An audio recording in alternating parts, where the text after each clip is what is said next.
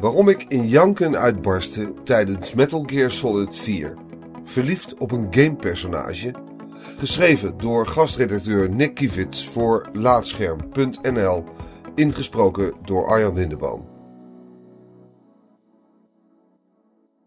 Nooit eerder liet een game me zo hard huilen als op het moment dat geneticus Naomi Hunter in Metal Gear Solid 4 het loodje legt. Maar waarom eigenlijk? Was ik verliefd? En kan dat eigenlijk wel? Are you crying? For me? Nog voordat ze het antwoord afwacht en onder zachtjes aanzwellende pianomuziek prikt de elegante wetenschapper een futuristisch ogende spuit in haar hals. De inhoud daarvan maakt de nanomachines in haar lichaam onschadelijk. Tot enkele seconden geleden onderdrukte ze een agressieve vorm van kanker, waardoor Naomi in feite zojuist zelfmoord pleegde. Door de muziek heen echoot een tweestemmig gesnik.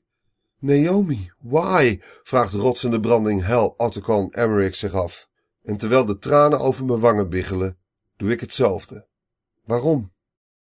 Hoewel ik eigenlijk een hekel aan de geniale geneticus zou moeten hebben, ze heeft mijn personage Snake per slot van rekening geïnjecteerd met een dodelijk virus, voel ik me gedurende de game steeds meer tot haar aangetrokken.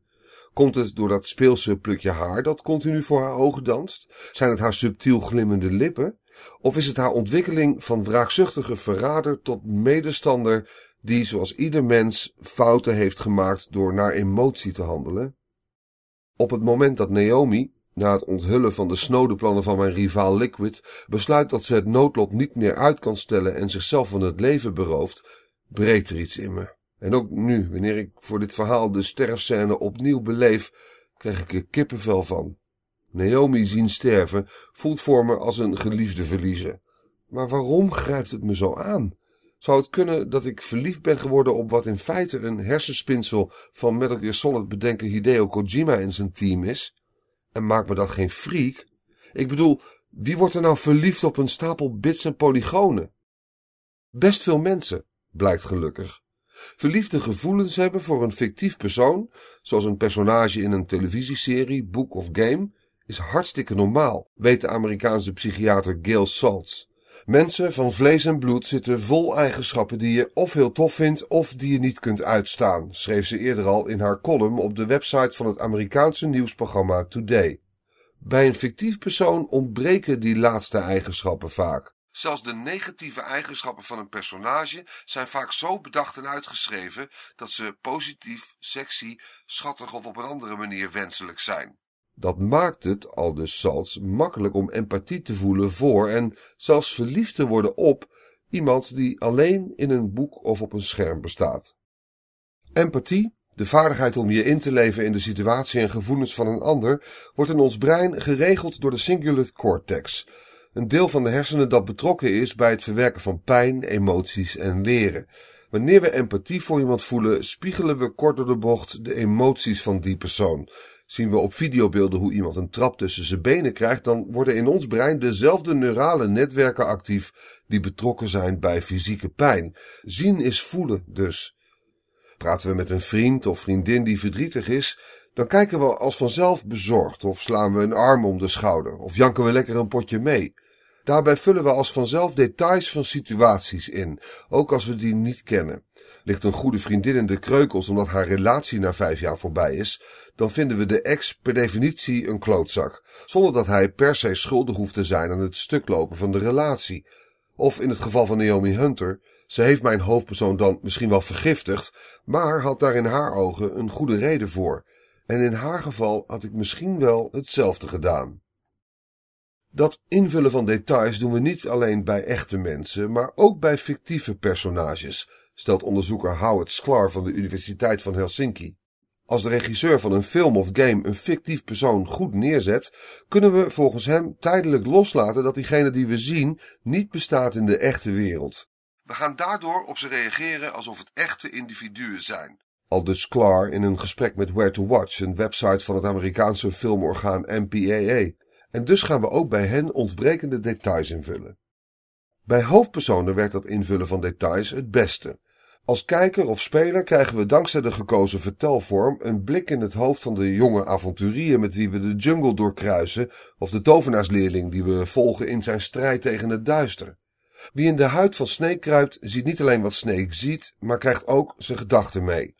Die extra informatie maakt het in sommige gevallen zelfs makkelijker empathie te voelen voor een fictief personage dan voor echte familie of vrienden. In een game hoor je gebeurtenissen niet aan, maar beleef je ze zelf door de ogen van je gamepersonage. Gamers die veel tijd doorbrengen in hun game gaan zich op den duur daardoor ook identificeren met hun avatar, blijkt uit onderzoek van neurowetenschapper Shanti Ganesh. In 2013 promoveerde ze aan de Radboud Universiteit Nijmegen. Gamers die 20 uur per week met hun avatar in de weer zijn, hebben volgens Ganesh daadwerkelijk het gevoel dat ze in het virtuele lichaam kruipen. Spelers kunnen zich zo op den duur net zo close met hun avatar gaan voelen als met een goede vriend. En wanneer we ons gaan vereenzelvigen met een personage, dan nemen we zelfs eigenschappen van hem of haar over, stelt onderzoek van de Ohio State University. Misschien dat ik daarom na twee weken bingen op Assassin's Creed 2 overal manieren ging zien om snel gebouwen op te klimmen. En na nachten doorhalen met The Walking Dead al snel een strompelende dronkenman aanzag voor een bloeddorstige zombie. Maar hoe zit dat dan bij Naomi? Als speler van Metal Gear Solid 4 heb ik geen seconde in haar hersenpan gezeten. De hele game heb ik beleefd vanuit het perspectief van Snake. En in sommige delen vanuit het oogpunt van Cyber Ninja Raiden. Ook hier komt het spiegelen van emoties weer om de hoek kijken, stelt de wetenschap. Omdat de emotionele reis van de personages in de game, niet alleen die van Naomi, maar ook die van de anderen die ik veel op mijn scherm zie verschijnen, me aanspreekt, ga ik me inleven in wat zij voelen en ervaren. Ik leef me dus niet per definitie in in Naomi, maar in de mensen om haar heen. Met degene die haar dood zien gaan dus. Snake, Raiden en Otacon hebben Naomi op het punt dat ze de dood vindt al lang vergeven. Otacon is zelfs van haar gaan houden. Terwijl Naomi snakkend naar adem op de grond stort en rondom onze helden de pleuris uitbreekt, voelen zij wanhoop en verlies. En ik voel die net zo hard mee. Ik ben dan wellicht zelf niet verliefd op Naomi Hunter, maar heb empathie voor degene die dat wel heeft. De niet ontoevallig supersympathieke Otacon. En omdat hij in janken uitbarst, doe ik dat ook.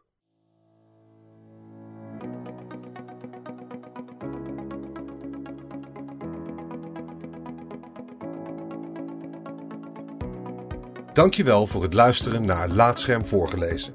Als je waardeert wat we hier doen, dan zouden we het leuk vinden als je even een sterrenrating en een recensie achterlaat op Apple Podcasts of de podcastservice van jouw keuze. Abonneer je ook op onze andere podcast, Praatscherm. En ga voor deze en meer verhalen, geschreven of gesproken, naar laatscherm.nl.